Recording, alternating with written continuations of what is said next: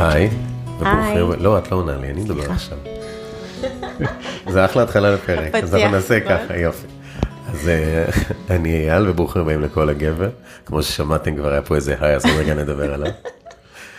אה, אני לא גדלתי עם שום חינוך פיננסי בבית, שום כסף לא דובר עליו אף פעם, אולי זה כי זה דור קודם, אה, תמיד זה היה, אפילו עכשיו דמי כיס לא היו.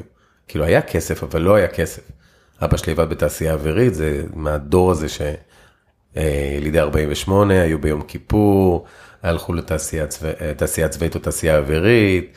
אימא שלי הייתה שנים אזרחית עובדת צה"ל, כאילו, אבל אז לא היה בכלל אפילו יזמות, לא היה, לא דובר על כסף, לא על, רק היה את ה, איך קוראים לזה, החסכונות, ומה נעשה עם החסכונות. ואז יום אחד כשרציתי לצאת לדרך שלי, ואבא שלי אמר לי, מה פתאום? לא בשביל זה חסכנו לך את כל הכסף. אמרתי, לא הבנתי, אבל זה שלי, מה זה חסכנו לך? ואז זה כבר מתחיל שיחה גם, מה זה כסף? וקלטתי כמה, אה, כמה זה חשוב, כאילו, כמה זה חשוב העניין של, של כסף, ואז לימים התחתנתי עם אשתי, ויום אחד האחיות של אשתי שאלו את ההורים שלהם, כשהם אמרו להם, תגידו, אנחנו עשירים? אז גם שם אמרו להם, we're comfortable. כאילו, אף אחד לא דיבר על כסף. זה טאבו. כן, לא מדברים על כסף, אפשר לדבר על סקס, אפשר לדבר על אלכוהול, אבל אף אחד לא דיבר על כסף. וכשההורים של אשתי נפטרו, אז ירשנו כסף, וזה הופל עליי. וזה הטיל עליי כזה משקל כבד. כאילו לכל מי שאומר, תן לי את כסף, אני אדע מה לעשות איתו, זה לא כזה פשוט, לא פשוט כגבר, כי זה לא שלי, זה של אשתי, זה מההורים של אשתי. ואיך אני אי פעם אוכל to mount out it, כאילו איך אני אוכל אי פעם, זה, ו, ואיך אני עושה את זה, זה המון אחריות. ולקח לי זמן, ואני מאוד מאמין גם גדול במזל, כי אתה יכול להיות עם כל הכסף שבעולם, ואם אין לך, הוא הלך לאיבוד, כמו שאנחנו רואים על אנשים שזוכים בלוטו, ואחרי כמה שנים הכל הולך להם. ועם הזמן לימדתי את עצמי, ועטפתי את עצמי באנשים שיודעים יותר טוב ממני. כי אני יודע טוב מאוד מה אני לא יודע, אז אני אוסף אנשים ש... ואני רואה עם הבנות שלי שהן שואלות המון שאלות על כסף, אין להם הרי מושג, את יודעת, ילד קטן בשבילו, מה 50 שקל? ואז אני אמר 500 שקל וטה טה טה, ומחפש כל הזמן מקומות. אז א', מחפש אנשים טובים לעבוד איתם, מחפש אנשים טובים שיעטפו אותי, וש... ו... ולאפשר לצאת מהמרוץ הזה, כי זה שאתה יורש כסף זה לא אומר כלום, אתה עדיין במרוץ. אתה כל הזמן במרוץ, אבל כמו שאמרת מקודם, ונציג אתכם עוד רגע, אתה בוחר את המרוץ שלך. לגמרי. אז אנחנו נדבר פה על uh, כסף, זה מה שאנחנו נדבר עליו, על כסף, ומה עושים איתו ואיך עושים איתו. כסף וזמן. כסף וזמן. אז uh, יפה, אז אני אפילו לא אגיד את מי יש לנו פה, הם יציגו את עצמם, אז תתחילו, אתם על אותו ערוץ. עמית והגר, מחברים אנשים להזדמנויות. קודם כל רוצים להגיד לך תודה בכלל על ההזדמנות לדבר ו... באמת לנסות להעביר עוד את המסרים שלנו קדימה. לפני שאני אגיד מי אנחנו, ניתן את זה לעמית, רק רציתי להגיד משהו בהמשך למשהו שאמרת. כן. אמרת שירשתם את הכסף, כן. וזה הוטל עליך. זה הוטל עליי מ... לקחת אחריות. לקחתי אחריות, זה לא... זהו. כן, לקחתי אחריות. אני ועמית אה, דוגלים שבתוך תא משפחתי, לא משנה איך הוא מורכב, האחריות, האחריות היא על כולם. אוקיי? כאילו, זה שזה הוטל עליך, זה, זה לא נכון, כאילו, זה, אפשר להגיד, זה קריאה אה, לא טובה של המציאות, כי זה הוטל על כל התא המשפחתי, כולל הילדים. זאת אומרת, עכשיו נכנס איזשהו סכום כסף, ועכשיו אנחנו כמשפחה מתמודדים איתו, כי באמת שמגיע סכום כסף, אני לא יודעת מה הסכום, אבל זה באמת יכול לעשות טלטלה. זה יכול לשבש לך את החשיבה, זה יכול להלחיץ אותך, זה יכול לגרום לך לחשוב על דברים שאתה... זה הפתעה, זה באמת כרם ביום, ביום בהיר, אבל כאן נכנס כל הקטע של הזוגיות, שיודעת, צריכה לדעת להתמודד עם כסף. כן, זה, אני, זה נכון, אני אגיד, אה, נכון. גם למה אשתך מהרה להעביר את זה אליך? אני אגיד, קודם כל, אני אגיד, קודם כל, זה גם דברים פסיכולוגיים, כאילו ההורים שלה נפטרו.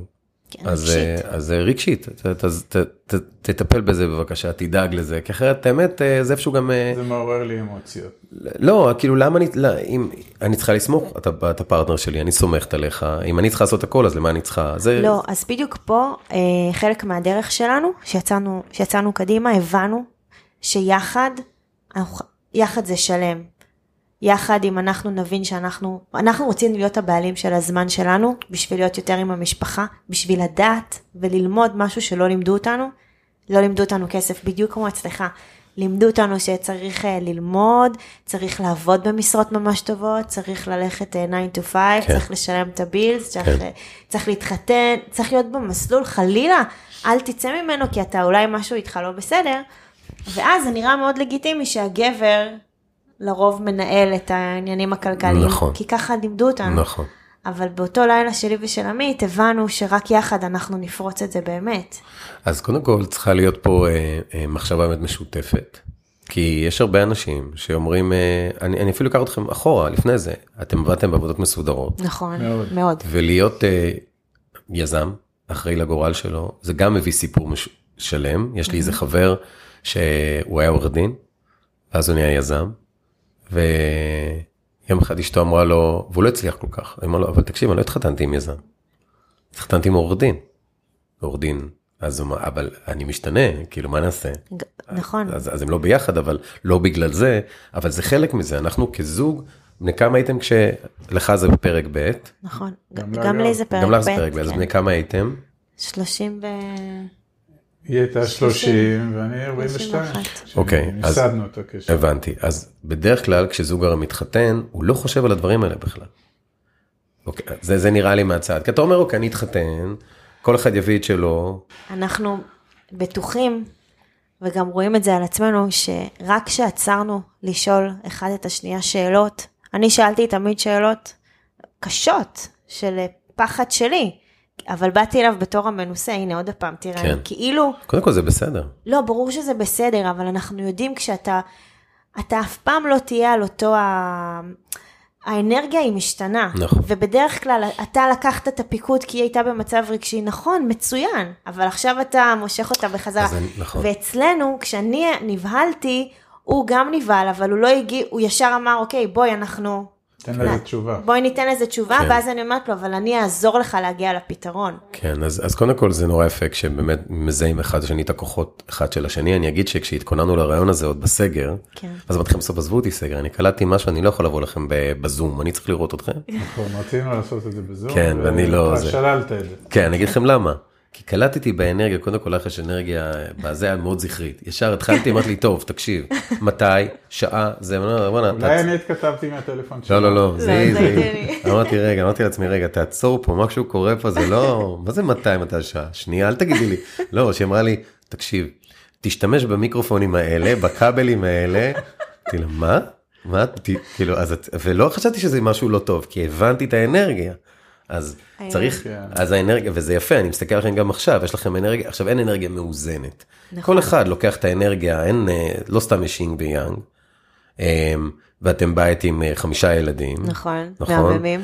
וכן, והסתכלתי בתמונות על הם הפסנתר באמת שלו. מהממים. והחינוך פיננסי, יש לכם שלוש בנות ושני בנים, נכון? נכון. וזה מעניין, שנתיים עד 21.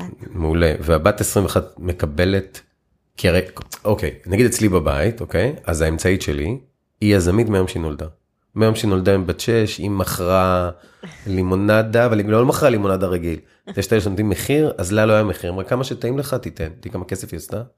אתה חוזרת בשעה עם 300 שקל, ילדה בת 6, 5. שלנו מכרה סליים בביט. יפה, אז גם היא היה לה חנות סליים, איזה 14 אלף עוקבים, היא הייתה הילדים באים לגן סלב. שעשועים בלי כסף. בדיוק. לא נורא, אבא יכול להעביר לי בביט. יפה, אז אנחנו קנינו לה, מעולה, אנחנו קנינו לה, אתה מכירים את הברד, מכונות ברד המפגרות האלה? כן.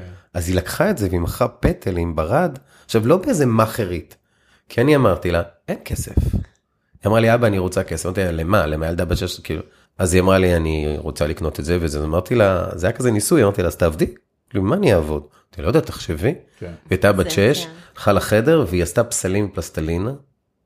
והיא הלכה לרחבה וכמובן נתנו לה כסף כי זה היה מגניב ילדה בת שש. עכשיו היא גם בלי מודעות אז היא עומדת שמה ומתגרדת ולא ואז מגיעים כאלה הורים ואומרים, אתה רואה? היא עובדת, למה אתה עושה את הילד שלך לא בסדר? כאילו, כאילו, נכון. הורים אחרים, כאילו, אז מה הם, והיא אפילו לא, היא לא התייחסה לזה, אבל היא ראתה, she owns it. וככה לאט לאט, עוד ועוד ועוד ועוד, וזה מדהים לראות איך אתה זורע את הזרעים בגיל צעיר, ואז יום אחד הייתה לי שיחה עם חבר, והוא אמר לי, הסברתי לו, אמר לי, אתה יודע? הילדים שלי לא ככה, גם אני לא ככה, אנחנו שכירים. כן. וזה נורא העציב אותי, לא העציב אותי כי אפשר להיות שכיר בהמון כסף. נכון. העציב אותי ה-state of mind. ה mindset. כן, של כאילו אני ככה, ומה זה אתה ככה? אתה ככה, כי העדפו לך דרך ואמרו לך ככה, ככה, תעצור. ובדרך כלל אנשים אומרים, מה עכשיו? בגיל 40? כן, מה, אני אעזוב את העבודה, או מחכים לגיל 60. אני הכי כן. עצוב זה שאתה חשבת שביום שיהיו לך ילדים, אתה כאילו צריך להסתדר עד ליום שבאים הילדים. ואז אתה, הילדים באים, וזהו. עכשיו אתה מגדל את הילדים, אתה לא חושב על פיתוח עצמי, כן. חלילה תחליף קריירה. כשיש לך ילדים, אתה... לא, אתה תעשה את זה אחרי שילדים יעזבו את הבית, כן. ואז אתה תעשה את זה. שזה בנצח. כן. אבל אתה מת, מתכונן כל הזמן. רגע, אני רוצה לשמוע אותך, אה, לא, המיקרופון שלך, אנחנו לא עורכים את זה אפילו, אני שם את זה ככה, כן. או. אנחנו לדעתי קפצנו קצת קדימה, כי אנחנו זורקים פה קצת רסיסי מידע, ורוב האנשים לא מכירים אותנו, אז טיפה רקע. אה, אז באמת אנחנו אה, זוג שנשוי פעם שנייה שנינו, אני מהנישואים הראשונים עם שלוש בנות, היום הגדולה כמעט בת 22 ו-18 ו-13, והתחתנו בשנת 2014 ונולדו לנו עוד שני ילדים, אחד בן חמש, אחד בן שנתיים, כולם בריאים ושלמים ושמחים ויפים, ועבדנו הרבה מאוד שנים במערכת הביטחון הישראלית, שנינו. עם מה שאתה תיארת כמקום נוח ומקום יציב, ומאוד קל לקרוא לו כלוב של זהב. והוא אכן, אכן עד היום הוא כזה, ומבחינתנו, אנחנו אה, איפשהו בינואר 2014, מה שהגר קודם זרקה, שהיא שאלה שאלות קשות, באיזו שיחה זוגית אקראית, שבטח כל זוג עושה אותה אולי פעם בשבוע, אולי פעם בחודש, אולי פעם בשנה, התחלנו לשאול את עצמנו שאלות אה, קצת יותר... אה, מרחיקות לכת באיך אנחנו נסתדר, כי ידענו שאנחנו הולכים להגדיל את המשפחה. ואז להגר היו שאלות, כי הגר כאילו, למרות שהייתה נשואה, היא באה בלי ילדים, והיא נכנסת, היא נשאבת למשפחה כבר עם ילדים, היא לא מכירה את סך ההוצאות שיש למשפחה כזאת, והיא אומרת לי, תגיד, יש כבר שלוש בנות, יהיו כנראה עוד ילדים, היא צדקה, עם שתי המשכורות היפות שלנו, איך אנחנו עושים גם וגם וגם וגם וגם וגם וגם, מהר מאוד הבנו שחסר כסף. ואני המבוגר האחראי, יש בינינו פער של כמעט 12 שנים, ואני אני, אני בר מנוסה, ואני המבוגר האחראי, בשלב הזה... אה, זז באי נוחות על הכיסא. זז באי נוחות בכיסא, אבל אמרתי לה ככה במין זה, את יודעת מה, כמה כסף אנחנו צריכים בכלל? חשבנו כמה אנחנו צריכים, כמה אנחנו לא צריכים, ופה התפתח סשן לילה שלם. שלמעשה אתגרנו את עצמנו בשאלות קיומיות ואמרנו יאללה בוא, נתח... בוא, בוא נכתוב מה אנחנו רוצים, אנחנו באחת ההרצאות שלנו אמרנו, אמרתי אלאדין מגיע ויוצא, ההוא מהמנורה יוצא ואנחנו, הנה הוא יוצא ומבקשים ממנו את הבקשות. ולמעשה הבנו כמה דברים בלילה, הוא קודם כל שהכלוב זהב שלנו הוא מסוכן מבחינתנו, כי הוא הרבה יותר כלוב מזהב, והבנו שהדבר הכי חשוב בחיים, המשאב הכי חשוב זה הזמן. הזמן שלנו רק הולך ומתכלה וכל שאר הדברים הם מסביב, וככל שנהיה יותר שקועים בלרוץ באותו מרוץ עכברים שרוב המין האנושי חי בו, נפסיד את הזמן שלנו, וכמובן שזה יבוא על חשבוננו ועל חשבון הילדים שלנו, ואמרנו, אנחנו לא יודעים איך, אבל אנחנו עושים סטופ למשוואה הזאת, אנחנו שוברים אותה, ואנחנו מתחילים ובונים לעצמנו איזשהו מערך שמכניס כסף הביתה, לא מעבודה, לא מיגיעת כפיים. מה שלימים הבנו שזה הכנסות פסיביות, ופה הלכנו לתהליך מאוד מאוד ארוך ובנינו לעצמנו פלטפורמות מאוד גדולות של הכנסות פסיביות ששחררו אותנו מהצורך לנסוע כל בוקר לכלוב הזהב. אה, סיפור די ארוך שמי שזה מעניין אותו שילך ליוטיוב ו- ו- וישמע את זה, אבל בשורה התחתונה מקץ אה, ארבע שנים לאחר מכן אני פרשתי מהעבודה, שנה לאחר מכן הגר התפטרה מהעבודה, אנחנו כבר כמעט שלוש שנים חיים מהכנסות פסיביות, עם איזשהו מודל לא רע בכלל שבנינו, ואנחנו על הדרך התחלנו לעזור ולסייע להרבה מאוד אנשים שהדברים האלה נוגעים גם אליהם, והם גם רוצים לדעת איך עושים את זה, כי התחלנו בלי איזה כפית זהב, בוא נגיד יצאנו לדרך עם 100 אלף דולר, בסדר? וצריך בשביל הדבר הזה הרבה יותר כסף, ואנחנו בשנתיים האחרונות, למעשה מ-2018, ליווינו כבר מעל 2,000 זוגות שבאים אלינו, מתייעצים איתנו, אנחנו נותנים להם את כל הידע שלנו, את כל הניסיון שלנו, הכל בנתינה, הכל ללא עלות מבחינתנו. יצרנו פה מודל מאוד מאוד יפה בעינינו, שאנחנו נותנים מה שאנחנו יודעים, ורצים עם זה, ורצים עם זה, ועוזרים לאנשים, והדבר הזה מבחינתנו גם מאוד מאוד ממלא אותנו. על הדרך זה יצר לנו, אנחנו לימדנו את עצמנו, דיברת על חינוך פיננסי, אז גם לנו לא היה כזה, אז לימדנו את עצמנו. והיום השיח בבית, ברור שהוא כסף, וכסף זה לא מילה גסה, וכסף זה צורך קיומי, וכסף זה אוויר, מים, אוכל, וכסף, אחרת אי אפשר לשרוד. אז איך זה קרה שאף אחד לא מדבר על זה?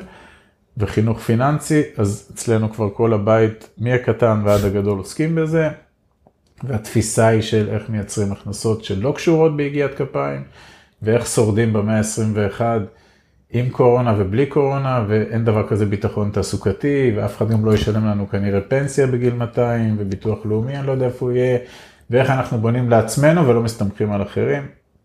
תורות שלמות, אידיאולוגיות שלמות,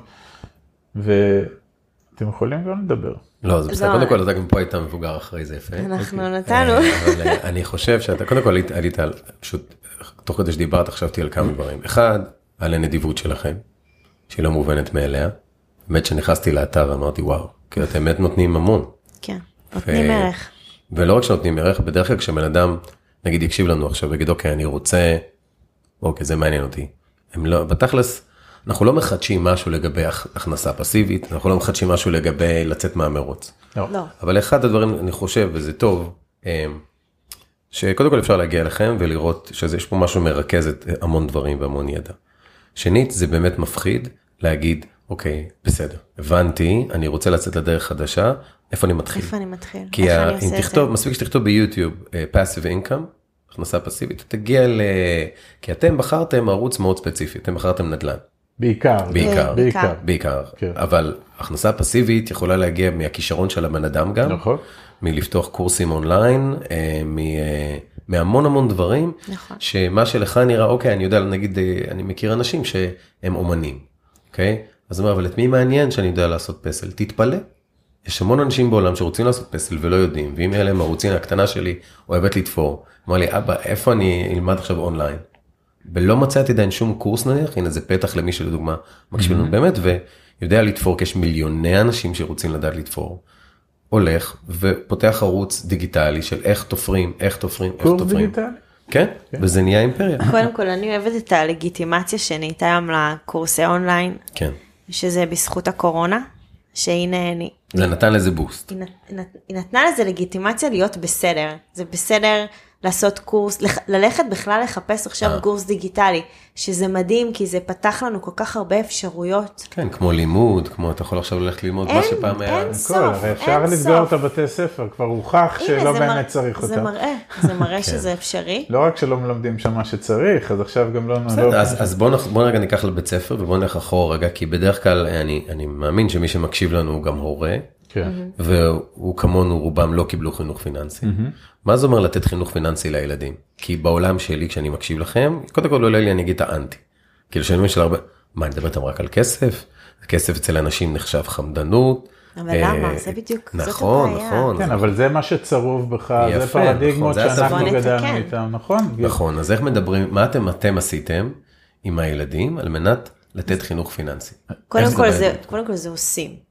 זה, זה לא שאתה פעם אחת מחנך לא, לא, חינוך ברור, פיננסי, ברור, זה, כל זה הזמן, משהו זה, שהוא... זה state of being, זה כל הזמן. אני רק, רק, לא, אני, בעיה, בטח. רק אני אומר, בסוף גם יש לנו סדרת מאמרים על אה, חינוך פיננסי, וגם הרצאות שאנחנו עושים. אז מבחינתנו, גם כל מה שאנחנו באים ואנשים מתייעצים איתנו, זה רק אחרי שאנחנו ברור. למדנו, התנסינו בעצמנו, נפלנו, קמנו, נפלנו, קמנו וזיקקנו משהו. ולכן גם כששואלים אותי איך עושים חינוך פיננסי לילדים, קודם כל צריך לחנך את עצמך, ובטח הדור שלנו, ברור. שכמו שאתה תיארת את הבית שלך, אז אצלי לא היה יותר טוב.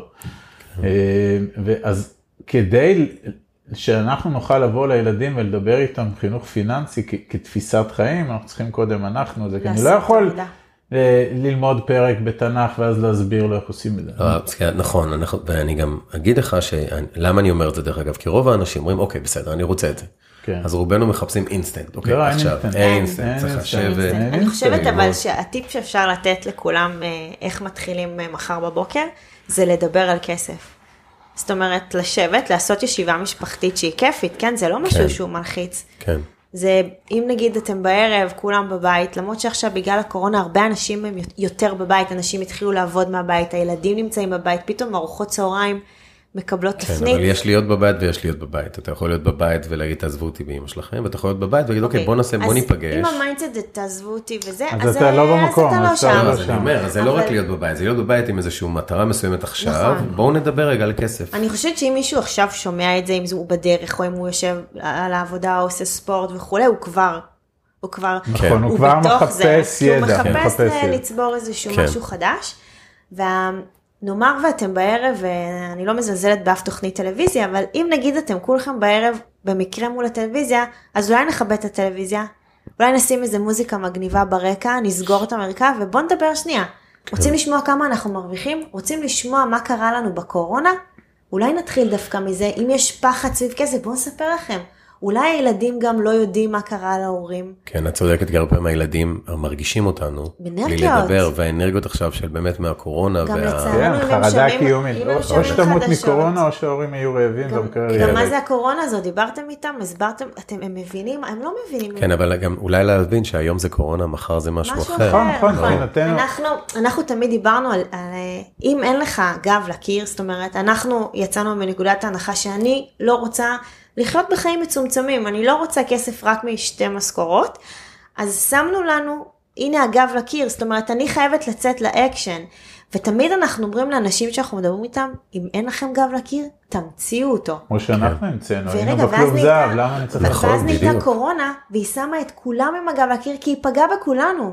אז כן. חלק יכולים להגיד לי, תשמעי, החיים שלי השתנו, התחלתי לעבוד בבית, אולי באמת אני רואה יותר את הילדים, או מישהו יכול להגיד, תשמעי, חסכו לי את הנסיעות, ו... אבל הנה. קודם הגר אמרה פה משהו שההורים, בתחילת השיח הזה שההורים אומרים, אתם רוצים לדעת כמה ההורים מרוויחים, שכל אחד יבדוק את עצמו, לדעתנו רוב המכריע של הזוגות או המשפחות בישראל, לא יודעים. זה סוג זה של סוד. סוד. איך זה, איך, למה עכשיו, זה סוד? עכשיו מה הבעיה עם זה? זה יחידה כלכלית אחת. אתה והילדים שלך זה יחידה כלכלית. עכשיו אם הילדים אין להם שום מושג כמה ההורים מרוויחים, אז גם למה אתה מצפה שהם יכבו את החשמל, ולמה אתה מצפה שהם יתפלאו שהמסעדה עלתה 700 שקל, ולמה, ואולי זה כן מרגש את ההורים ואולי לא, אז קודם כל, אנחנו קוראים לזה לחבר את הילדים למספרים. אבא מרוויח 17,000, אמא מרוויחה 20,000, סבבה, זה הרבה? 37. עכשיו בוא נתחיל לראות את ההוצאות. בוא נראה, בוא נעשה drill down, כמה עולה לנו הבית, אתם יודעים? בוא נתחיל לראות את ההוצאות. כמה זה משכנתה? מה זה משכנתה? מה זה משכנתה? כמה חשמל? למה, אני, למה אבא כל הזמן אומר לכבות את האור? מה, הוא, הוא, הוא יש לו איזה אובססיה? את יודעת כמה עולה החשמל? בואי תראי את החשבון חשמל. ואז היא גם רואה בחשבון חשמל כמה הצריכה שלנו אל מול היישוב. כן. למה שהם לא יפתחו את החשבוניות האלה? למה אנחנו צורכים חשמל פי שלוש מממוצע ביישוב? אני לא יודעת. ו- ו- ואת מבינה שאם אנחנו נשלם הרבה על החשמל והרבה על המים והרבה על בילויים והרבה והרבה, אז קודם כל יישאר לנו פחות לעצמנו. כן. ויישאר גם פחות לכם. אני חושב שזה גם מאוד, זה גם מאוד כמובן צריך להתאים לגיל. כאילו, כי יכול להיות גם ילדה בת 15 או בן בן 16 שאין לו, גם עדיין אין לו מושג. מאוחר מאוד הגיל הזה, מה שאמרת עכשיו. כן, אבל תחשוב, אנחנו מדברים על אנשים שרוצים להתעורר, אנחנו לא, לא באים, מעולה, לא, הם מתעוררים עכשיו, אז גם לשאול ילד בן 15, תגיד לי אתה, כאילו, לא אני המבוא, כי איך שאני בא לפחות, כן. זה שהידע נמצא סביבנו. הילדים שלנו, הם נכון. רואים הכל והם יכולים לראות. ואז כשילד בן 15, אתה אומר לו, תגיד לי אתה מה אתה חושב על כסף, אוקיי? כי, כי לא לכולנו יש ילדים קטנים עכשיו.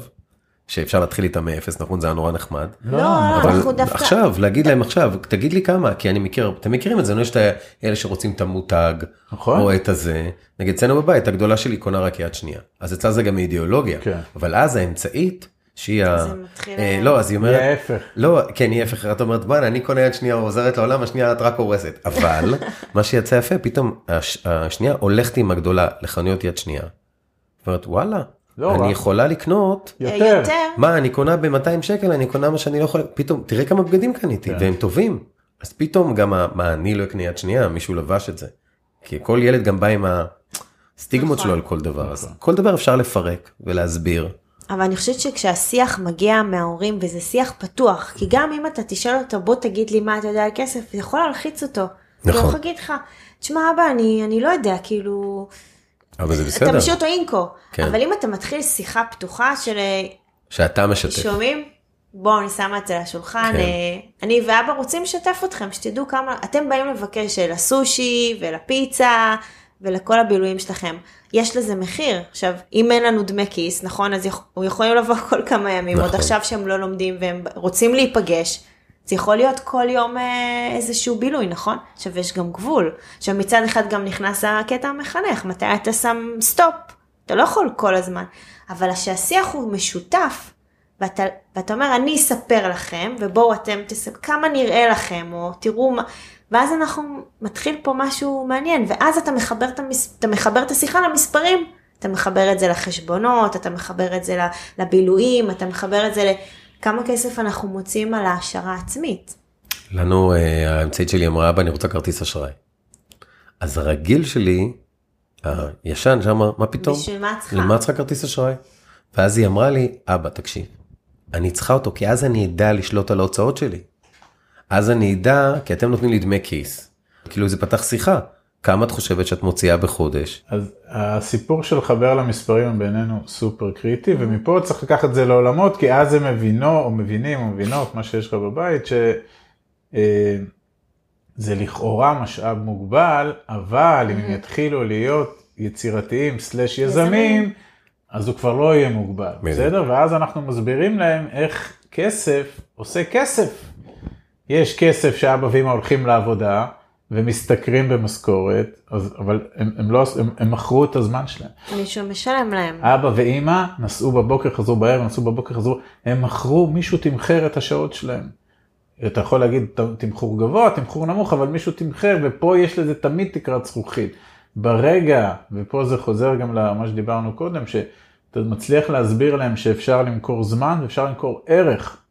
כן. כי אם הילדה מאוד מאוד טובה באומנות, סלאש תפירה, אה, ריקודים, טיק טוק וכל הדברים האלה, והיא מתחילה בסיוע הפלטפורמות הדיגיטליות האינסופיות שיש היום, אז את הדבר שהיא מאוד טובה הוא סוג של ערך. ואם זה סוג של ערך, כנראה שיהיו הרבה אנשים, אנחנו מדברים על השמונה מיליארד, לא על השמונה מיליון. גם 8 מיליון זה הרבה. אני לא, אנחנו מדברים, כשאנחנו מדברים על אנשים- העולם. גלובל. אנחנו אוקיי, בסדר. מדברים בסוף מתוך, הש... כי כשהרבה אנשים שואלים אותי, אבל מאיפה אני אביא עוד כסף? אנחנו אומרים לו, תייצר ערך ואל תסתכל על 8 מיליון, תסתכל על 8 מיליארד, אם אתה טוב בעכבישים יפנים שהולכים אחורה, אולי יש עשרת אלפים איש כאלה מתוך ה-8 מיליארד שזה הכי מעניין אותם, אז תגיע אליהם, איך אני אגיע אליהם? כי העולם דיגיטלי. זה בסדר. מצחיק שאתה אומר ב-2020 העולם דיגיטלי, כאילו בעולם שלי הרי זה בר...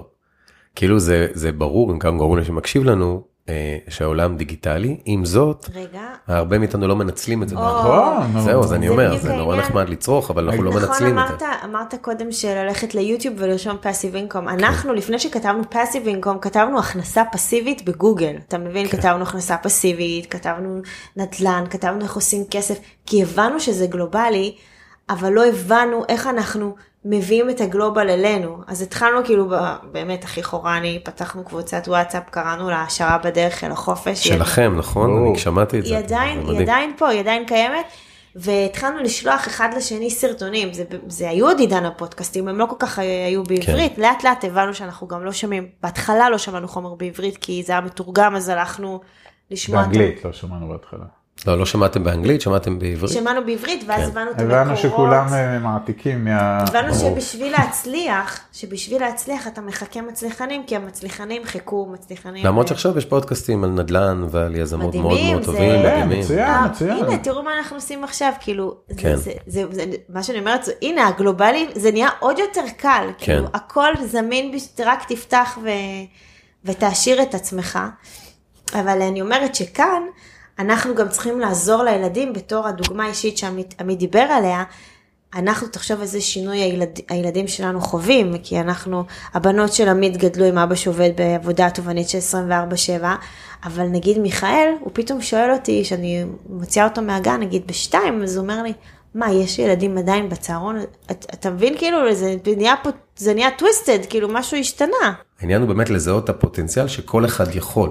גם, יכול גם. זאת אומרת, יש כאלה שמאוד אוהבים את העבודה שלהם, והם אומרים, שמי, אני לא יכול להיות בבית אה, ולקבל את ה... בסדר, אנחנו איתכם, מה שעושה לכם טוב. כן. אבל אל תישארו נעולים בתוך הריבוע הזה, או בתוך הכלוב זהב, או... תנסו להוציא מעצמכם עוד, בשביל לייצר לעצמכם עוד. זה כמו שהגיעה הקורונה, ונגיד אנחנו היינו עושים מפגשים, אוקיי, היינו נפגשים עם הקהילה שלנו כמה פעמים בחודש, פגישות פרונטליות, ופתאום זה קרה... פתאום אין. פתאום זה נפצק, ואז אתה אומר, רגע, אני משתבלל, אני... מה אני עושה, אני נלחץ? ואז אומרים, לא, מה פתאום? אנחנו לוקחים את הלגיטימציה הזאת שהפכה עכשיו לדיגיטל, ואנחנו מביאים את כל הקהילה, ש... ועוד אנחנו אומרים להם, לא חברים, יותר מזה, גם אתם נפגשים איתנו יותר, גם אתם עושים את זה מהסלון שלכם, וגם אנחנו יכולים לעשות את זה הרבה יותר פעמים. כאילו, תראו איזה הזדמנויות קיבלנו בזכות הקורונה הזאת. ואחרי זה אתם יכולים לצפות בכנסים בזמן שנוח כן. לכם, וקדימה ואחורה. ושוב, זה דברים גם שקיימים בחוג כל הזמן, כל הוובינארים וכל האלה, נכון. מה שעד עכשיו היה נחלתם של עסקים, ופתאום נכון. עכשיו כל בן אדם יכול... אני חושב שהזרע שאנחנו זורעים פה, אה, לי אישית הוא מזכיר פעם הילדה שלי שהייתה קטנה ראתה יוטיוב. וראתה יוטיוב, וראתה יוטיוב, ואין סוף כזה. אמרתי לה יום אחד, הייתה קטנה, תקשיבי. אני מציע לך אה, להיות 97% מהאוכלוסייה צופה ביוטיוב. תהיה 3%, תתחילי לייצר. ואחרי שהתחלנו, לא קרה כלום. כמה זמן? ואז לאט לאט פתאום נהיה, ופתאום נהיה, ופתאום נהיה, פתאום יש לה עסק של סליים, היה לה. אני לא אגיד את השם שלה כי לא רוצה שאני אפדח אותה, אבל היה לה, ואז אתה קולט שיש לך את ההזדמנות גם ללמד אותה, זוכר פעם הגיעו קצת ילדים, והיא בכתה והיה לה עצוב, אמרתי מעולה, בואי נדבר עכשיו על break even. מה זה, מה זה break even? כמה השקעת? אמרה לי 300 אה, שקל, כמה, כמה קנו? 280, אז א', תגידי תודה, שקנו 280, ושנית, עכשיו עוד מכירה אחת, והנה הגעת ל break even. עכשיו נסענו באוטו, היו מאחורי שתי חברות שלה, ילדים כולם, לכמה היו? לא, היו שתי חברות שלה, מגיעים הביתה, אני יוצא עם הכלב ואני חוזר, החברות הלכו, אמרה לי, אבא תדע, כאילו גם שאלתי אותה אם אפשר לדבר, כי ילדים מתפתחים ליד ה... כן. אז אמרתי לי, אבא תדע שהחברות שלי אמרו שזו השיחה הכי מעניינת שהם שמעו. עכשיו, בינינו, זו לא הייתה שיחה מעניינת, אבל אף אחד לא דיבר איתם כן, נכון, נכון. על ברייק איבן ושיווק וכסף, פתאום אז ש... אני יכולה להגיד לך שגם השיחות פה בבית, אה, במיוחד עם ה... זה לא במיוחד עם מגדילות, כי האינטראקציה פה היא, כולם. אנחנו חמישה ילדים, אתה יודע איך זה, זה מגיל שנתיים עד 21, זה כולם יושבים ביחד בסלון. וכן, אנחנו מאוד מספרים להם, כי נגיד הבת 13 שלנו היא בטיקטוק, כי זה העולם שלה, אז היא פתאום פתחה לנו, לנו כאילו... זוהר, כן, ברור. היא, היא מנהלת לנו את הפרופיל. רגע, יש לכם טיקטוק? כן, אבל... אבל מה אתם עושים בטיקטוק? זהו, אנחנו לא... לא, זה אוקיי. מעניין, תגידו. נכון, אז אנחנו... טיקטוק זה בדרך כלל לאיזה גילאים? לא, אבל אנחנו מגדלים אותם. אבל יש לנו ילדה בת 13 שהיא בטיקטוק, אז אתה אמרת לבת כן. שלך, בואי תהיי בת 3 אחוז, אז אנחנו אמרנו לה, את בכל מקרה בטיקטוק, אז בואי תעשי לעמית והגר טיקטוק. אז נכון, אנחנו לא, לא רוקדים ולא כן. עושים את כל מה שעושים בטיקטוק, אבל אנחנו מביאים אותנו לשם. מעלים תוכן. בצורה שהיא... לילדים? שמותאם לילדים? היא, יודע, היא כאילו מחלצת מהתכנים שלנו כל מיני אמירות, והיא מוסיפה כל מיני אפקטים שמתחבר אה, בפן טיקטוקי. אבל מצד שני גם תמצא אותנו בלינקדין. כן, ברור. ברור, ופייסבוק זה בכלל למבוגרים כבר, ואתם צריכים, אתם גם בטח באינסטגרם? ברור, ברור. באינסטגרם אנחנו, ברור. באינסטגרם אני כאילו מנהלת את האינסטגרם, אבל הבת 18 אומרת לי, היא קוראת לי גורי, גורי, אז בואי תעשי את ה story הזה ככה, ותעשי ככה, ותעשי ככה. כן, ואין מה לפחד מזה. נהפוך הוא, זה מעשיר אותנו. לא, כי אתם מכירים את זה, כי המבוגרים בדרך כלל, כמו ההורים שלנו. זה מה שרציתי להגיד לך, כי בסוף אמרת שאנחנו בעידן טכנולוגי, אבל לא כולם, כן. האנשים בגילאים שלי ושלך, אני קורא להם אלה שאמרו אני לא אני אני לא פייסבוק אני לא אני לא מאמין בזה ולא הם מנתקים את עצמם ביודעין מכל ה... ואז אתה נהיה כמו ההורים שלנו שגם מנותקים היום. כן זה בכלל זה בעיניי המהפכה הבולשביקית כבר אם הולכים אה, על זה לא, אבל נכון. אנשים בגיל 50 שאומרים אני זה כבר אחריי בהכרח החמישים שנים שנותרו להם לחיות הם, המציאות בסוף ברובה תרצו לא תרצו עוברת למדיות החברתיות ואז אתה. זה כמו שאבא שלי, אה, בן 86, הוא אומר לי, אני צריך ללכת לדואר לשלם את הקנס שקיבלתי. אני כמעט הרבצתי לו עם נבוט. אמרתי לו, קודם כל אתה לא הולך לדואר כי אתה... אתה בן 80. כי אתה בן 86 ויש קורונה פה all over the place. אונליין.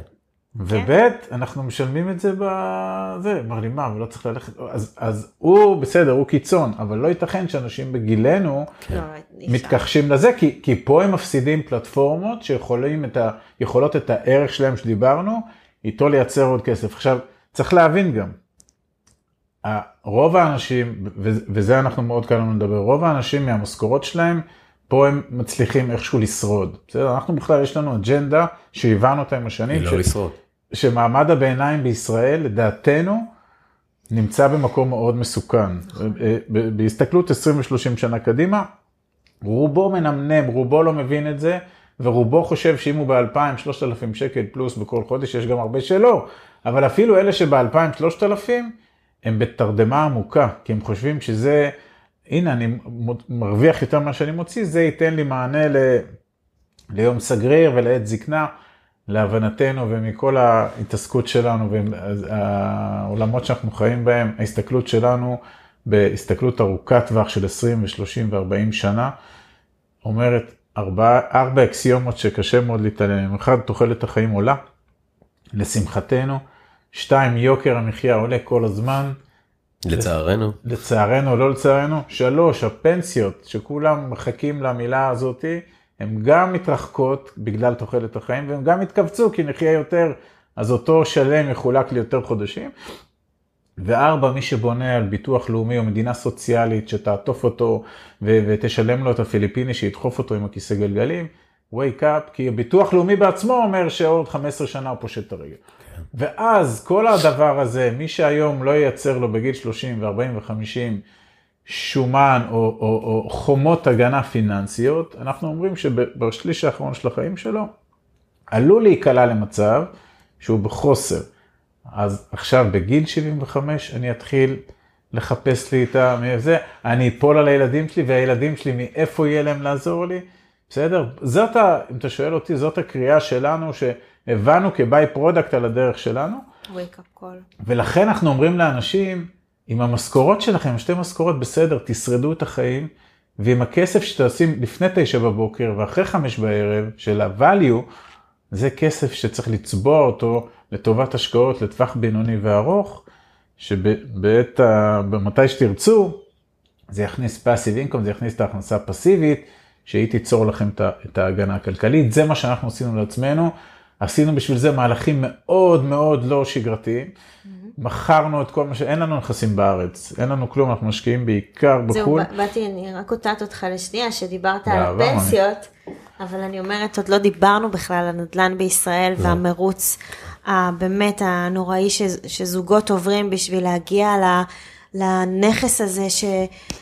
אני לא יודעת כאילו מה קרה, אבל זה, זאת שיחה כבר, אנחנו באמת יכולים כן, לדבר על זה. גם, זה גם מה שמגיע באמת, כמו שאמרנו, הגדולים פה יגידו לך, זה כאילו מה שחינכו לא, אותנו, כולנו. אבל גם את הגר חינכו. לא, לא, ברור לי, אבל ההורים, ההורים שלנו, כולנו חינכו אותנו לדירה, למכונית, לשני ילדים, אבל, לבית. אבל אם אתה רוצה דוגמה לחינוך פיננסי, בסדר, שאמרתי קודם, אז אנחנו באיזשהו שלב, כשחינכנו את עצמנו והסברנו לעצמנו, שאם ההון שלנו מושקע בבלטות ומשועבד לבנק ולא עובד עבורנו, אנחנו לא מגדילים את הכסף שלנו. כן. אני בונה פה מטר. ואז למעשה אנחנו, ויש לנו את זה גם מוקלט ומצויר והכל, ב-16 במרץ 2016, ארוחת ערב, עוד משני הבנים יש אחד שהוא קטן, השני הוא שוחה איפשהו, ואנחנו עם השלוש בנות בערב שישי, ואנחנו צריכים לדברר לשלוש בנות שלי, שאנחנו הולכים למכור את הבית, כי זה לכאורה, אתה יודע, זה יכול ליצור תחושות של חוסר ביטחון, ואבא, מה קרה לאבא הקוקו, הוא לא רק מתגרש, הוא גם מוכר את הבית, עוד שניה ימכור אותנו. אז אנחנו מבינים שאנחנו צריכים לעטוף את זה בתוך החינוך הפיננסי, ואז למעשה יש לנו סשן שלם שאחרי ארוחת ערב, שאני עכשיו מסביר לבנות, לוקח דף, לוקח עט כחול ועט אדום, ומצייר להם שני תרחישים. תרחיש א', להורים, לאבא והגר יש מיליון שקל הון עצמי, הם יכולים להעמיס עליו עוד שני מיליון משכנתה, ושיהיה לנו בית ברשותנו, ובשלושים שנים הבאות נחזיר את השני מיליון קרן ועוד שני מיליון ריבית. סך הכל 4 מיליון, ואז בגיל 70 נהיה נורא מבסוטים עם בית על שמנו, או ניקח את המיליון הזה, ונתחיל לקנות איתו נכסים מניבים, לא משנה איפה בחו"ל, ואז אני מצייר להם גם איזה שרשרת ערך כזאת שמבית נולד עוד בית, ואני מראה להם גם שהדיירים מתחילים לשלם שכר דירה, אנחנו צוברים כסף והכל, ולמעשה נוצרות שתי אפשרויות. אפשרות א', אנחנו כמו כולם, משעבדים את עצמנו, משעבדים את החיים, ואני מסביר להם שמי שיחזיר את ההלוואה זה לא רק אנחנו, זה גם הן, כי זה כסף שהם לא יראו, כי אם הוא ירד מאיתנו לא נוכל לתת. או אפשרות שנייה שאנחנו יוצרים הון מההון שלנו, ובכל מקרה השכר דירה זה מה שהיינו משלמים למשכנתה. אז מה עדיף לי אחרי 30 שנה להיות עם בית על שמי ככותרת, או עם 30 נכסים שמשלמים, 30 דלתות שאנשים משלמים לשכר דירה, ואז עברנו אחת אחת, מה את מעדיפה, א' או ב', א' או ב', א' או ב', כולם העדיפו את האופציה של בוא נמכור ונשקיע, ואז אמרתי להם, טוב, תצאו החוצה, כי יש שלט למכירה על הבית. ואז הם כן. יצאו החוצה, ו- אבל באותו אירוע גם אמרנו להם, תקשיבו, אנחנו הולכים למהלך הזה, יש בו סיכויים, יש בו סיכונים, לא הכל זוהר, אבל אנחנו גם מעדכנים אתכם כל כמה הם, חודשים. הן שותפות לתהליך הזה. הן יודעות איפה אנחנו משקיעים, יודעות אסטרטגית השקעה, הן מבינות את הדברים, מה שהן לא מבינות, אנחנו מסבירים להם. וזה לא פעם אחת זרקנו, זה שיח בבית. לימים הן גם מושקעות בעצמן. הן מושקעות בעצמן. הן נכנסות בעסקאות. מה זאת אומרת? יש, אנחנו משקיעים בעולמות שלנו, פרוסות השקעה הן במינימום 200 אלף שקל. בסדר? צריך להבין, בסוף בשביל הרבה אנשים חושבים, אה, הכנסה פסיבית אני רוצה, בשביל הכנסה פסיבית צריך להשקיע הרבה כסף. ופה התחלתי קודם לרמוז איך אפשר להביא את האקסטרה כסף הזה, אבל בסוף צריך גם למנף. זאת אומרת, אתה צובר הון לא מהכסף שלך, אלא מ-other people money, מכסף של אנשים אחרים, זה למנף סלש לקחת הלוואות. ואז הם אמרו, אבל אין לנו כסף, אין לנו. אמרתי להם, קודם כל יש לכם כסף, כי אתם עובדות, אתם, אני אצטרך מכל אחת 1,500 שקל בחודש, למה אתה צריך? אנחנו ניקח הלוואה, 100 אלף בשבילך ו-100 אלף בשבילך, לשתיים הגדולות, ובמשך 6 שנים אתם תחזירו כל חודש 1,500 שקל, ואנחנו כבר היום ניכנס עם ה-200 אלף האלה בהשקעה מניבה כזאת או אחרת, ואתם גם תראו את הכסף מתחיל לחזור, וגם תקבצו, מה שזה אומר מבחינתכם, שאתם מתחייבות ל-1,500 שקל כל חודש, הבנק זה לא בנק לאומי, אלא בנק של אבא והגר. וביחד בחרנו באיזה השקעה, וביחד אמרנו מה מתאים להם, והן גם מבינות, לכנס, הם שמעו, הן גם מבינות שהן מחזירות לנו עם ריבית, זה בסוף יוצא להם 1.6 ריבית, בסדר? הן מתוגמלות על זה מכיוון אחר, אבל הן מבינות מה זה ריבית, והן יודעות מה זה ריבית וריבית, והן מבינות שכרגע, הן לא רק שהן עובדות, גם כסף שלהן עובד. אז הבת, הבת 18, לכאורה, יש לה היום 100 אלף שקל שמתגלגלים וגדלים, והבת 22 כנ"ל, למרות שאין לה באמת את ההון הזה. כן. אז... אתה יודע, אבל אמרתם פה משהו מאוד חשוב שישבתם ודיברתם איתם, אה, לי לקח, כי אני חושב שלפני שאתה מדבר איתם, הרי לכם היה ביניכם. מלא, מלא, מלא. ולי לקח הרבה זמן עם אשתי, כן, גם אני רוצה אה, בית כמו שאני רוצה, אוקיי? אמרתי, אבל תקשיבי, למה עכשיו אני אשתבד לארבע קירות? הכסף שלנו יכול לעבוד הרבה יותר טוב נכון. נכון. במקומות אחרים, נכון. ואנחנו יודעים לעשות את זה. אני למדתי לעשות את זה, אני... ואז, ו, וזה לא אומר שאתה לא נופל ולא אומר שום דבר, נופלים, זה, זה החיים, הרי. אבל העניין הוא פסיכולוגית, ולקח לדעתי ארבע שנים, ארבע שנים, כי, כי יש עוד משהו פה, כי יש מנטליות, לפחות בישראל, של בית שכור לדוגמה, זה, זה לזרוק את הכסף לפח, לרווקים, זה עד, עד שתקבל בית רגיל, אני ממש כן. זוכר את עצמי כרווק בתל אביב, גר עם עוד uh, שלושה שותפים, ארבעה שותפים, אז אמרתי, מתי יהיה לי שלי, כן. מתי זה, ואז כשהכרנו ועוד לפני מה שסיפרתי הדרמה שהייתה לנו משפחתית, שכרנו.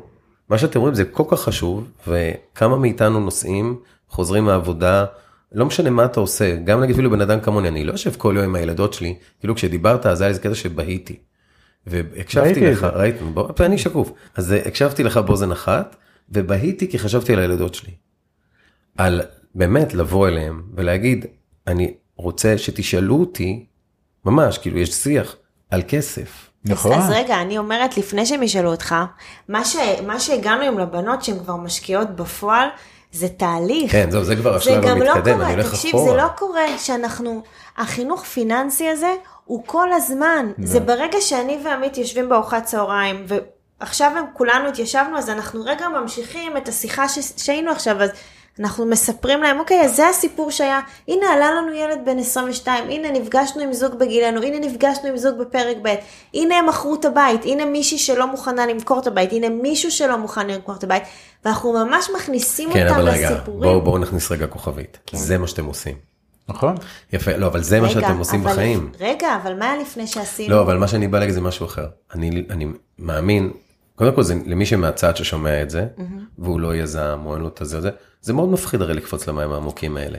אז אני לא, אני, אני לפחות מהצד שם לכם, מסתכל מהצד, לא כל זוג יכול לשבת עכשיו כל שיחה לדבר על זה, אבל כן להתחיל בזה שאפשר לדבר על זה. נכון. ברור. זה. אני חושבת שה mindset הזה שאנחנו מדברים כן. עליו, זה... הוא מעל הכסף. זהו, הוא מעל הכסף. כי צריך, הכסף- רק שנייה, צריך לזכור, אמרתי קודם, בסוף כל מה שאנחנו עושים הוא לשחרר את הזמן שלנו. כן.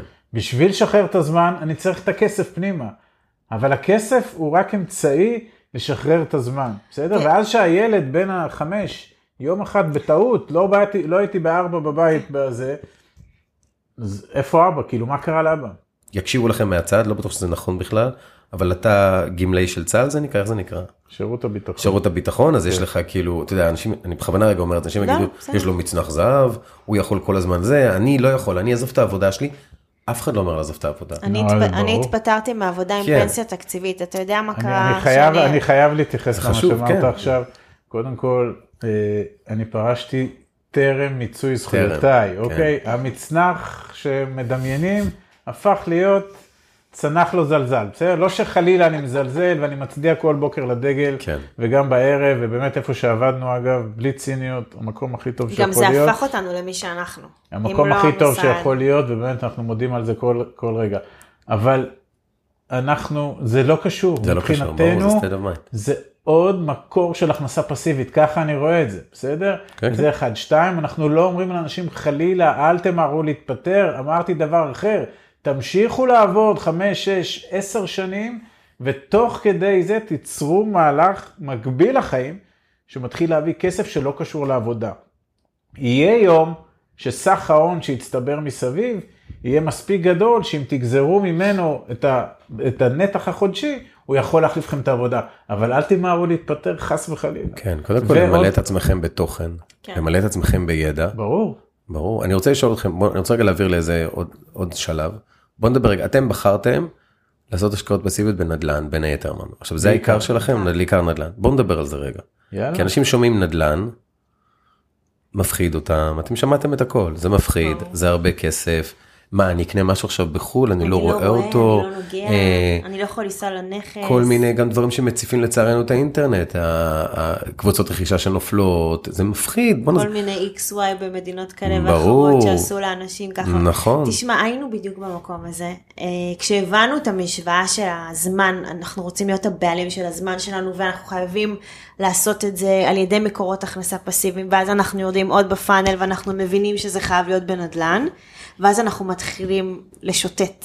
המשוטטים, ואנחנו עושים בגוגל, ואנחנו כותבים נדל"ן, אנחנו מתחילים להיכנס, להיכנס לסשן פסיכי של פגישות עם מלא מלא מלא חברות בארץ, ועכשיו אנחנו לוקחים את עמית והגר של המשרד, ולמדנו למדנו איך אנחנו שואלים שאלות, למדנו איך אנחנו מתחקרים דברים, איך אנחנו נפגשים, רואים סיטואציה ובוחנים אותה מכמה, מכמה וכמה זוויות, ואז אנחנו מבינים שבשביל לצאת לדרך אנחנו צריכים איזושהי, אה, איזשהו, אה, נקרא לזה, מודל.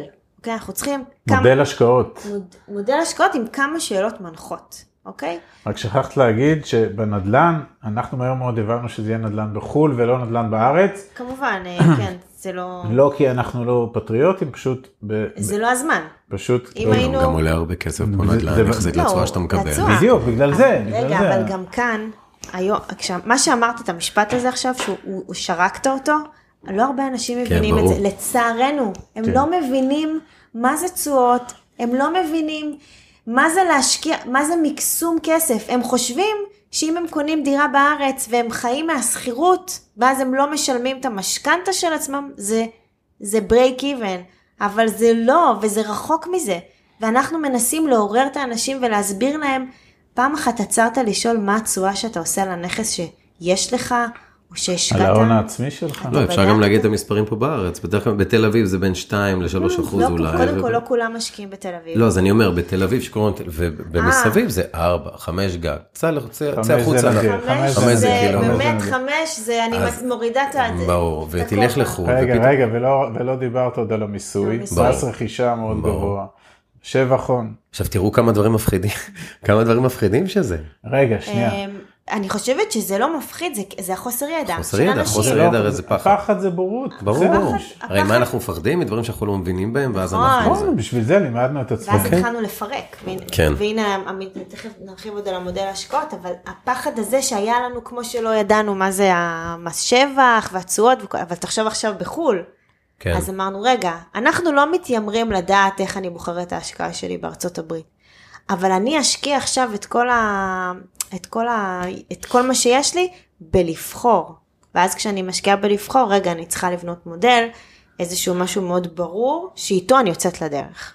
דרך אגב, אני לא יודע אם אתם מתעסקים עם זה, אבל גם יש המון מודלים חדשים להשקעות בנדל"ן, בחו"ל, כמו השקעה, כמו שיש crowd funding, כמו שאתם יודעים, כולם שומעים על הדסטארט וכאלה, כן. יש כזה גם להשקיע בנדל"ן, כן, כן. לא חסר, כאילו יש, לא, אתה לא חייב תמיד להחזיק את, ה, את הנכס, אתה יכול להגיד חלק בנכס, אנחנו, אוקיי. תתחיל ב baby steps. אז בסדר, אז מה שהגר אמרה, אנחנו את הזמן, הבנו שזה יהיה חו"ל, כן. בסדר?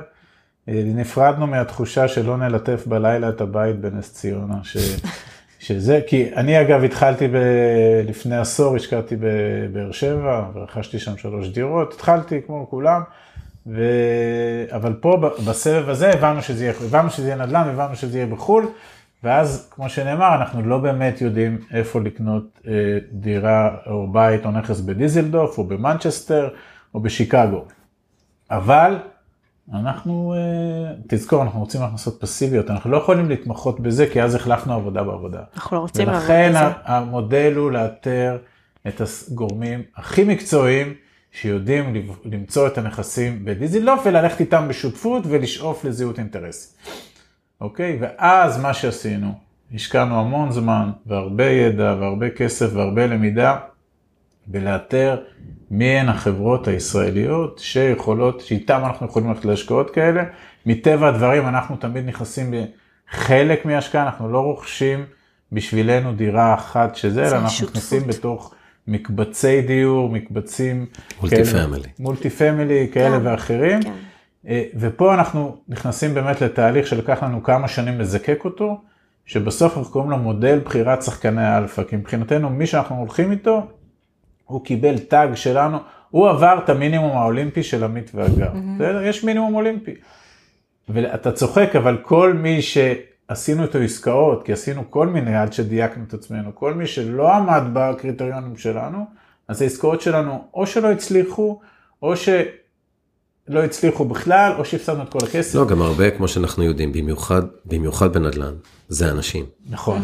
אתה יכול לשבת עם חברות מדהימות, נכון. וכולנו, הנה עוד פעם הפחד של האנשים, קוראים על קייזמן וכל מיני דברים שנופלים, נכון, נכון.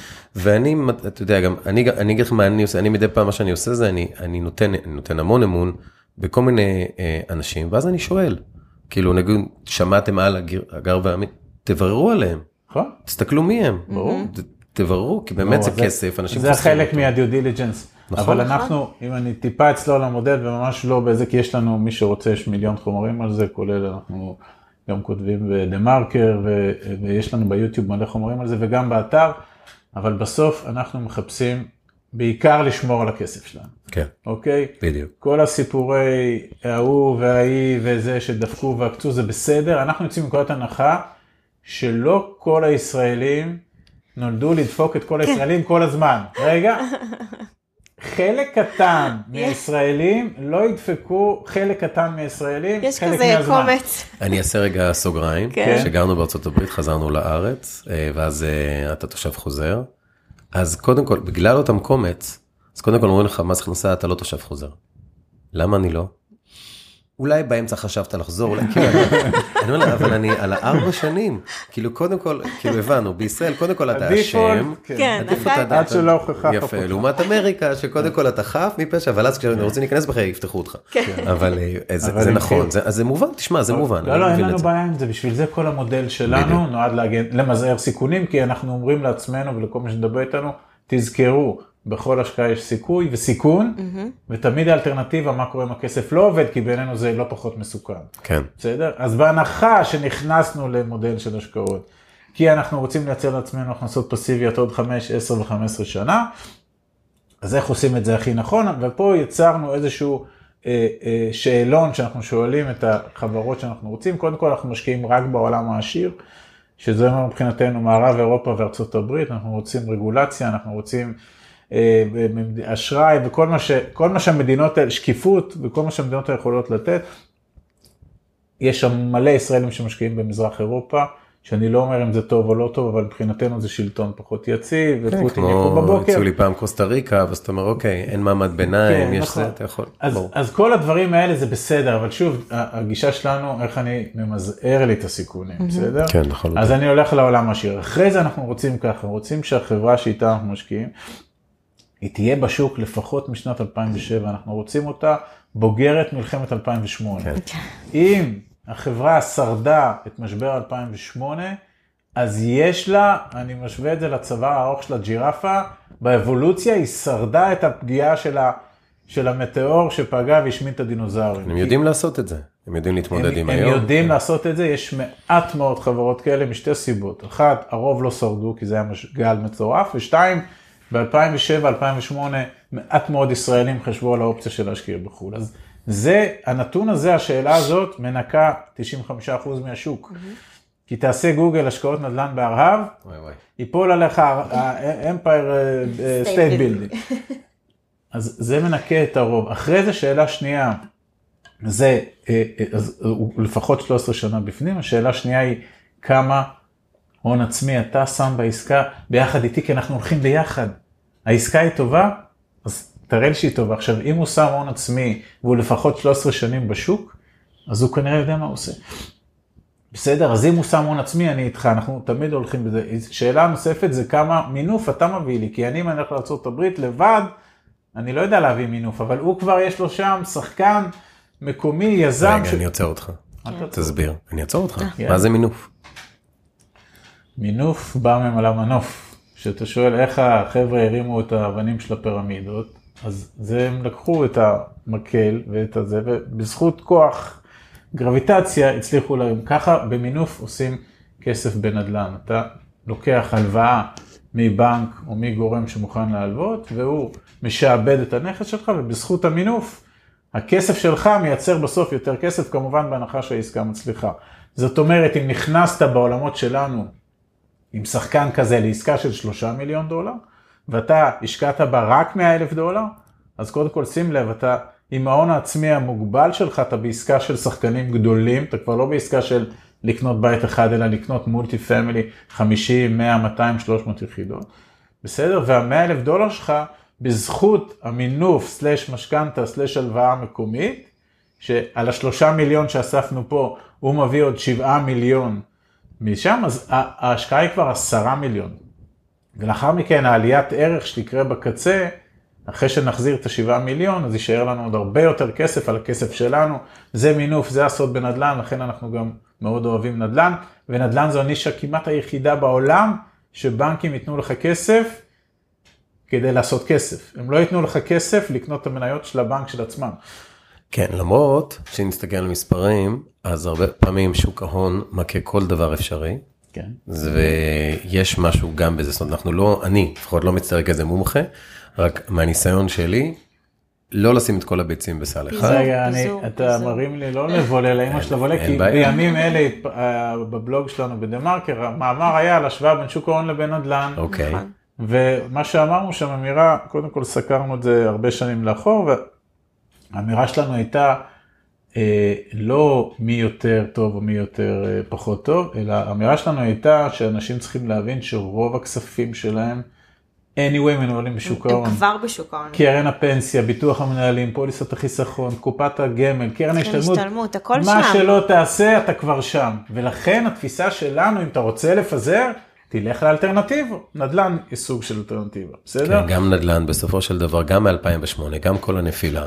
הוא עולה. מי שעסק... עלה. עלה, כן. זה- זה לא משנה, כאילו... אנחנו כאילו בקונספט שלנו מגיעים לאנשים שמה שדיברנו עכשיו, יכול להיות שהם עצרו עכשיו ואמרו, אה, זה בשוק ההון? אני לא, אני לא ידעתי את זה בכלל. זה כמו אלה אמרו, אה, טבע נפלה, מה אכפת לי, אני מניה של טבע. בטח בטח שיש לך, כי. הפנסיה שלך מושקעת בטבע. מה, לא, רוב האנשים לא מבינים את הם זה. לא מבינים, וזה מה שקשה לנו. אני, אני תמיד אומרת את הדוגמה שפתחתי, פתחו לי קרן השתלמות במשרד, ומי שישבה מולי, אתה יודע מה היא אמרה לי? תראי איזה יופי, כל שש שנים את יכולה לקנות לך אה, אוטו. אוטו. היא, היא אמרה לי את זה, בסדר, זה כמו ההבדל בין דגים לחכה. כאילו, ניתן, לה- אתם יודעים, שלמד את הילד שלנו לדוג, או לתת לו, לתת לו חכה, או לתת לו בסדר. זאת שאמרה לה את זה גם לא, לא מבינה את לא המשמעויות של. קרן, והיא גם לא יודעת מה לא, זה ואז למנף את אנשים, הקרן. אנשים הם, הם, מתייחסים לקרן השתלמות, הם, והם, פודים אותה, וזה נראה להם בסדר, כי אמרו להם שזה בסדר. אני אגיד פה משהו אבל לאחר. אני חייב לציין כן. את המודל. אה, בוודאי, מודל, מודל. אין זה- בעיה. זה מי השחקן המקומי, מי נועל את המגפיים בשטח. בשטח, בבוץ, שאיתו אנחנו הולכים לפרויקט, כי החברה בישראל, שאומנם מ-2007 או 2008 בשוק, היא עדיין יושבת ברמת גן ותל אביב. מי מנהל את ה... מי איתר את המולטי פמילי הזה? מי בדק 100 מולטי פמילי מי עד דואג שהחליט? לסוחרים, מי מנהל את השטח. מי מנהל מולטי פמילי? זה מי עסקה ניהולית. מתלכלך עם הרגליים בשטח? ברור. עכשיו, אם זה יזם, שזה הפרויקט הראשון שלו, ו, ו, ו, ו, אז זה, אבל אם זה מישהו שיש לכם כבר קשר איתו של חמש שנים. עשר שנים, ועשה כבר עשרים פרויקטים, ויש טרק רקורד מוכח, ו, ו, ו, ו, ו, אז זה מעצים את זה. מה יצרנו בסוף בדבר הזה? אחד, אנחנו בהכנסה פסיבית, כי כל מה שקורה פה, אחרי שהעברנו את הכסף לתוך העסקה הזאת, אנחנו כל רבעון, או שמקבלים צ'ק, או שמקבלים עדכון, תלוי אם זו עסקה מניבה יזמית או יזמית. מניבה. שתיים, אנחנו נמצאים אצל החברות, בוא נגיד היהלומים שיש היום בתוך הזה, איך אני יודע שהם יהלומים? שוב, כי הם, הם שרדו את המשבר והם עובדות הרבה מאוד שנים, והיו להם כבר מספיק הזדמנויות לדפוק אותנו, ואם הם לא דפקו עד היום, אז כנראה שהן מבינות שהחשוב זה המוניטין שלהם. ושלוש, הן עובדות בתהליך סדור עם גורמים מאוד מאוד מקצועיים במקום, ולא עם האלה שאנחנו מתגלחים. הדוד שלי ירד לפני 30 שנה, וה... והשכן שלו בצבא. ממול, הוא עושה construction. לא, זה לא הולך ככה. כאילו, נדל"ן זה תחום מאוד מפחיד. למה? הכל מפחיד. ככה, אני אומר לך מה שאנשים שמקשיבים, כי הם. שומעים על, הח- אני אתן לך דוגמה, אוקיי, כי אני, כן.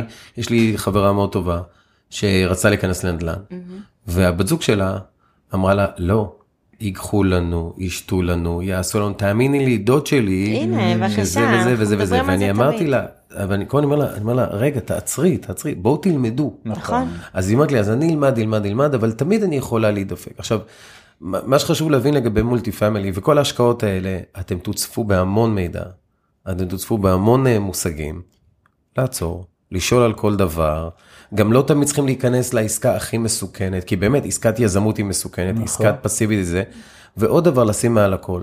בסופו של דבר זה רק לשמור על הכסף שלכם. נכון. אתם לא עושים באמת, אתם רוצים לעשות כסף ענק, זה לא באמת כסף ענק כרגע, אבל תעשו, כמו שאמרת, 30 דירות, יהיה לכם הכנסה מפה, הכנסה מפה. כאילו, אתם לא תעשו את המכה של החיים שלכם. זה לא מכה, ממש לא. שום לא. תשימו אנחנו 100 אלף לא- שקל, 20, 50 אלף דולר, תתחילו בקטן, ברור, זה. לא תעשו את המכה שלכם. כמו בדיוק שאנחנו. התחלנו, ולחברה הזאת שאמרו לה לא, כן. זה בדיוק מה שאנחנו יודעים לתת לאנשים, כי את כל מה שאנחנו עשינו, אנחנו מסבירים לאנשים איך לעשות את זה. אנחנו בהתחלה שהתחלנו... לנו לס- לא היה מי שיעשה לנו לא, את זה. גם כשהתחלנו לדבר על זה, אז פתאום, פתאום כל האלה של ארוחות שישי, שפתאום אתה רק אומר איזה מילה, ב... אל תעשה את אה, זה. במקרה שמעתי על איזה השקעת, ידפקו אותך ויגנבו לך. ברור. אז בהתחלה, אתה יודע, זה, אתה אומר, או הנה, חיפשתי את הלואים האלה, הנה, קיבלתי אותם, עכשיו אני בטוח, אה, אני יודע שצדקתי, כאילו, אני מצדיקה את הפחד של עצמי. אוקיי. באיזשהו שלב אני ועמית עצרנו ואמרנו, די. אנחנו מאמינים בדרך שלנו, אנחנו, אנחנו צוות, ואנחנו הולכים על זה all in, וזה לא מעניין אותנו יותר הרעש רקע הזה. אז הפסקנו, ובאותו זמן עוד היינו מדברים, אני עוד עבדתי על זה, אתה יודע, לפעמים בקפה כזה, אתה אומר, שמעת על, תזהרי, ידפקו אותך, תלכי רק להוא, הוא, הוא יודע מה הוא עושה, ואז אמרתי, טוב, זהו, אני נכנסת עליתי על איזה משהו כאן עכשיו. comfort. אני חושב שהכוח שלכם, שאני מקווה שיש להרבה זוגות, זה זה. נכון, זה אין זה. ספק. אנחנו בגלל כל הזמן שאתה- אומרים, אנחנו משדרים על אותו תדר, ובגלל זה אנחנו רצים 200 קמ"ש מינואר 2014. בדיוק, כי אוקיי? צריך, כי גם אם אתם רוצים להתחיל את הצעד הזה, זה יהיה מאוד קשה לעשות אותו לבד. רגע, חלק ממה שאנחנו עושים זה גם עוזרים לזוגות. להגיע לתדר הזה. אוקיי. לכן, או להתקרב אליו. רגע, לכן שגם התחלת את השיחה, ישר קפצתי עליך עם הזה, למה? כי לנו כבר הדברים מחודדים, ש- שאין לי תשוב, אין לנו, כאילו באמת, אנשים עונים אומרים לנו דברים, אנחנו לא מופתעים יותר, יש לנו כבר תשובות מוכנות. אחרי 2,000 זוגות. אבל אנחנו כל כך בטוחים בדרך שלנו, שאני יודעת מה אני אומרת, ואז אני אומרת, סבבה, היא מפחדת, זה בסדר. תן לה יד להגיע אליך. אם אתה כל כך בטוח איך למקסם את הכסף, תעשה לה פרזנטציה עסקית. בדיוק, כי הרבה פעמים אני מכיר זוגות שהגבר אומר לי, אתה יודע, זה כמו שפתאום, נגיד אני לא מבין שאתה אומר מוסך, אני הולך למוסך, אני מרגיש כאילו, אוקיי, כבר דפקו אותי, כן. נכון, כבר דפקו אותי, עכשיו בוא. עכשיו מפה זה רק יכול להיות כן, יותר רק- טוב. נכון, אתה בא- לברקס, אומר לך, אה, לא שמת לב שזה כן. יפה. כן. אז עכשיו, אם אני אתחיל לדפוק לו. יפה, זה, אם אני אתחיל להגיד לו, רגע, אבל. הקרבורטור, ואני אתחיל להגיד דברים כאלה, עכשיו אשתי, הרבה פעמים שכשהתחלתי להיכנס לדברים האלה, אז אמרה לי, תקשיב, יש לי בעיה פה, מה אתה עכשיו זורק לי כל מיני מושגים? מה אתה פתאום מבין בריבית, מה אתה פתאום, עכשיו לא בזלזול, מאיפה הבעל שלי פתאום מוציא את זה, מאיפה האישה שלי פתאום רגע, דוחפת. אני חייבת חייבת לעצור. אותך, סליחה. לא, לא, בסדר. כשיצאנו לדרך, אמ, היה לנו קטע שאחרי שבזמנו היו רק הבנות, אחרי שהבנות הלכו לישון, אתה יודע, ארוחות ערב וזה, ואז נוצר השעה, שעה וחצי שיש לך בערב, לפעמים לדבר עם הבן או בת זוג, אז אמ, אנחנו הכרחנו את עצמנו כל יום ללמד אחד את השנייה משהו חדש. זה לא היה חייב להיות מונח אה, בתחום הנדל"ן, אבל זה מי, אתה יודע, מילה, מילה חדשה ששמענו, אה, נושא חדש ששמענו, וכל אחד נתן לשני משהו. אתה מבין? אז, אז אתה הקדמת והתחלת ללמוד ולמדת מושגים חדשים בנדל"ן, והיא מהפחד, היא אומרת, רגע, יאללה, אתה מקדים, מה, אבל מתי הספקת לשמוע את זה? ואז, ואז אתה צריך לעצור ולהגיד לה, את יודעת מה? טעות שלי, בואי. זה מה ששמעתי היום ואני רוצה לשתף אותך. כן, אתם, אתם מעלים את התדר הזוגי שלכם, וזה נורא חשוב. כן. כי גם אם מחר זה ייפול, חס וחלילה, אין את מי להאשים. נפלנו גם. יפה, נפלנו. לא, אין את מי להאשים גם, כי לא, גם שלא, מישהו ייקח על עצמו, כי זה המון אחריות. הוא אומר, אם אני לבד, הרי מה תקשיב, עכשיו אני לוקח את המסע על הכף. דווקא אנחנו- אלה שהלבד אנחנו מבסוטים אנחנו. אומרים לזוגות. רוב הזוגות רחוקים מהתדר שלנו, כן. בסדר? ויש לא מעט זוגות שאחד מבני הזוג מאוד רוצה והשני בין פסיבי לבין בועט בדלי. ואנחנו, ואז הוא, תעזרו לי לשכנע את אשתי, אני לא עוזר לך זה, אבל אנחנו אומרים, אנחנו לא עולים לפגישה עם בן זוג אחד, כי זה לא, לא יקרה מזה כלום. אני יכול לספר לך סיפורים מפה ועד יפן. אם הגבר או האישה מצד שני פסיביים, סלאש, כועסים, לא מאמינים, חשדניים, לא יקרה לא זה יקרה, כלום. לא יקרה. יש תג מחיר, אם אנחנו בסוף מדברים על מודל שמייצר תזרים של 7% נטו, ואתה רוצה 20 אלף שקל הכנסה פסיבית, אתה צריך להשקיע, להשקיע 3.5 מיליון שקלים. That's it. עכשיו אני יודע להסביר לאן, עכשיו הבנתם? יופי. אז אם המתי הוא שנה הבאה, אתה צריך את השלושה וחצי מיליון עכשיו. אבל אם המתי שלכם הוא עוד שמונה שנים, אז הנה, הנה, הנה התוכנית, אתה צריך תוך שמונה שנים להגדיל את ההון העצמי לשלושה וחצי. יש לך היום מיליון? סבבה, הנה התוכנית. איך עושים את המיליון? במשך שמונה שנים, להגדיל אותו לשלושה. וכל הכסף שחוזר במהלך השנים, לא קונים איתו עכשיו לימונדה בזה, הוא חוזר. למנגנון באותו מינוף שדיברתי.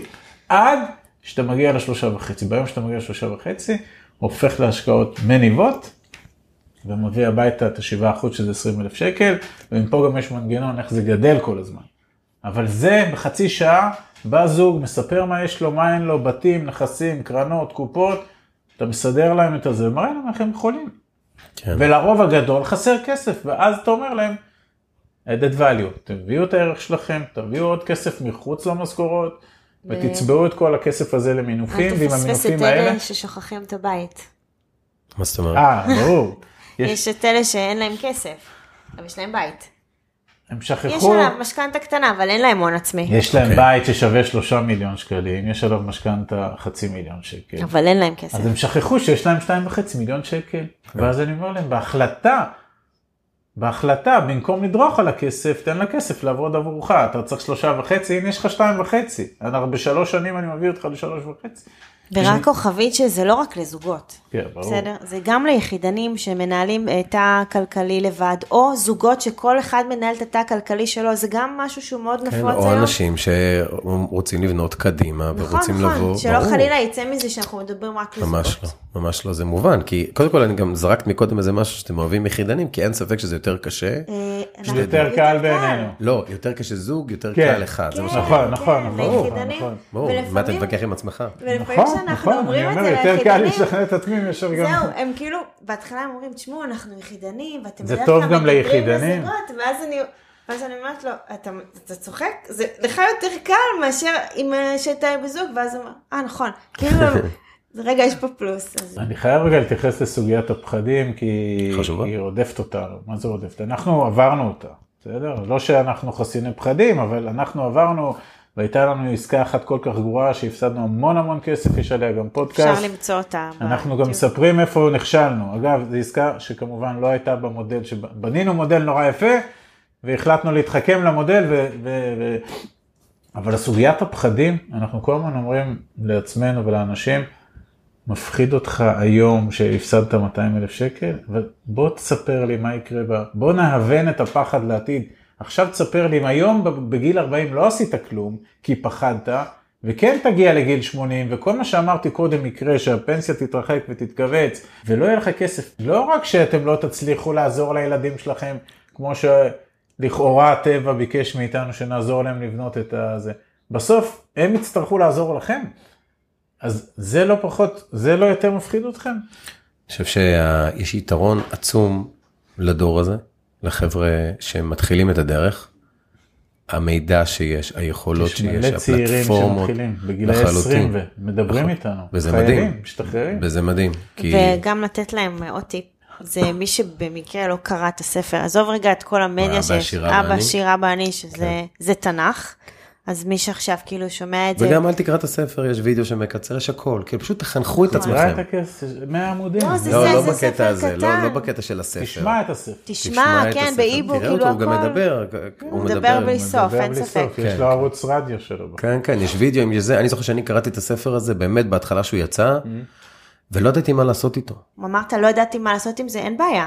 יעבור קצת זמן והמורה מגיע תלמיד מבחן, זה, זה יפגוש אותך, זה יחזיר אותך לשם, אבל אתה חייב להתחיל לה, להזין את המוח שלך בתחמושת. בדיוק. כשהתלמיד מוכן המורה מגיע, ויש לנו פה, אני חושב שזה גם מעולה לסכם את זה ככה את הפודקאסט, אתם שני מורים מעולים. אה, הכל שם, כל ישראלי חושב שדופקים אותו, אז הם לא, אתם יכולים ללכת הכל בחינם, אתם יכולים לקרוא, כן. לא סתם הגענו. יש לנו גם הקלטה למה עמית והגר עושים את זה בחינם. גם את זה, כן. אין בעיה. זה, כן. כי אנחנו נשאלים על זה פעם ביום, קחו הנה הקלטה, 12 דקות. ואם מקשיבים לפודקאסטים אז אנחנו לא מחדשים לאף אחד שום דבר, יש פודקאסטים על נדל"ן, יש המון דברים, במיוחד עכשיו יש, ראיתי איזה פודקאסט, אני עושה לו, קוראים לזה החור שבקיר, לא יודע אם ראיתם את זה, זה ממש נותן, מדבר על הדברים האלה, איך לנצל את החיים שלך, איך לנצל את ההזדמנויות העסקיות, מעולה, מה זה. אומר הכנסה פסיבית. לא חסר, לא חסר מידע. ממש לא, הבעיה היא הפוכה, עודף מידע ו... כן. עכשיו תתחיל לזקק. לזקק ולדבר עם הילדים שלך, או לדבר עם הבת זוג שלך. זה גם אני מדברת על ה-emotion to action, טוני רובינס מדבר על זה כל הזמן, תהיה ב-emotion, תאסוף מידע, אבל תחליט שיש לך נקודה. נקודה שאתה יורד לאקשן ואתה כן, בגלל אחרת אתה כל הזמן מתבוסס כן, בתוך ה... זה לומד את עצמך למוות, או לדעת. לדעת. כן. לומד, לומד, לומד, לומד. אוקיי. בסוף ה-250 אלף שקל שלו נרקבים בכיס. או שעושים אוקיי. מלא קורסים, וזה בסדר, אבל כן. אתם חייבים לתת לעצמכם דדליין. דדליין שאני יוצא לדרך. אני עוד דבר אגיד, אה, אחד הדברים שבקטע, אולי גם זה קשור לתוכנית פיננסית, וזה גם טוב לדבר עם הילדים שלנו, או עם עצמנו, לבנות תוכנית. ברור. כמו שעושים תוכנית חומש לכאורה, מעצבן. בגלל. זמננו המתקצר, לא סיפרנו לך על איך אנחנו, מה אנחנו עושים עם הדמי כיס של הילדים, איך הופכים את זה בכלל לתקציב רב שנתי, ואיך- אבל גם זה יש מאמר אצלנו. באתר. אז אני רוצה להגיד לכם תודה. רבה. יואו, ממש היה לנו, מה זה כיף. כן. למה אתה הולך? תישאר. אני, כן, כן, כן, אמרתי, אני כן. סוגר את הפודקאסט, אני נשאר, קוראים. אבל באמת תודה רבה. ואני אפנה. ל- נשים כישורים למי שרוצה, ובאמת זה רק ההתחלה, כאילו גם לא, גם לא לחשוב שזה, ש, שיש איזה דדליין שבו, שפספסתם משהו, נכון. נכון. שזה הרגשה כזו של כולם כבר התחילו אה, ואני אני עוד בן לא, 50, לא. עוד לא עשיתי כן. אני בן התחלתי 50, וואלה סבבה, 42. יש לך פה 20 שנה עכשיו לעשות דברים. נכון. טוב, תודה רבה. וואי, תודה לך.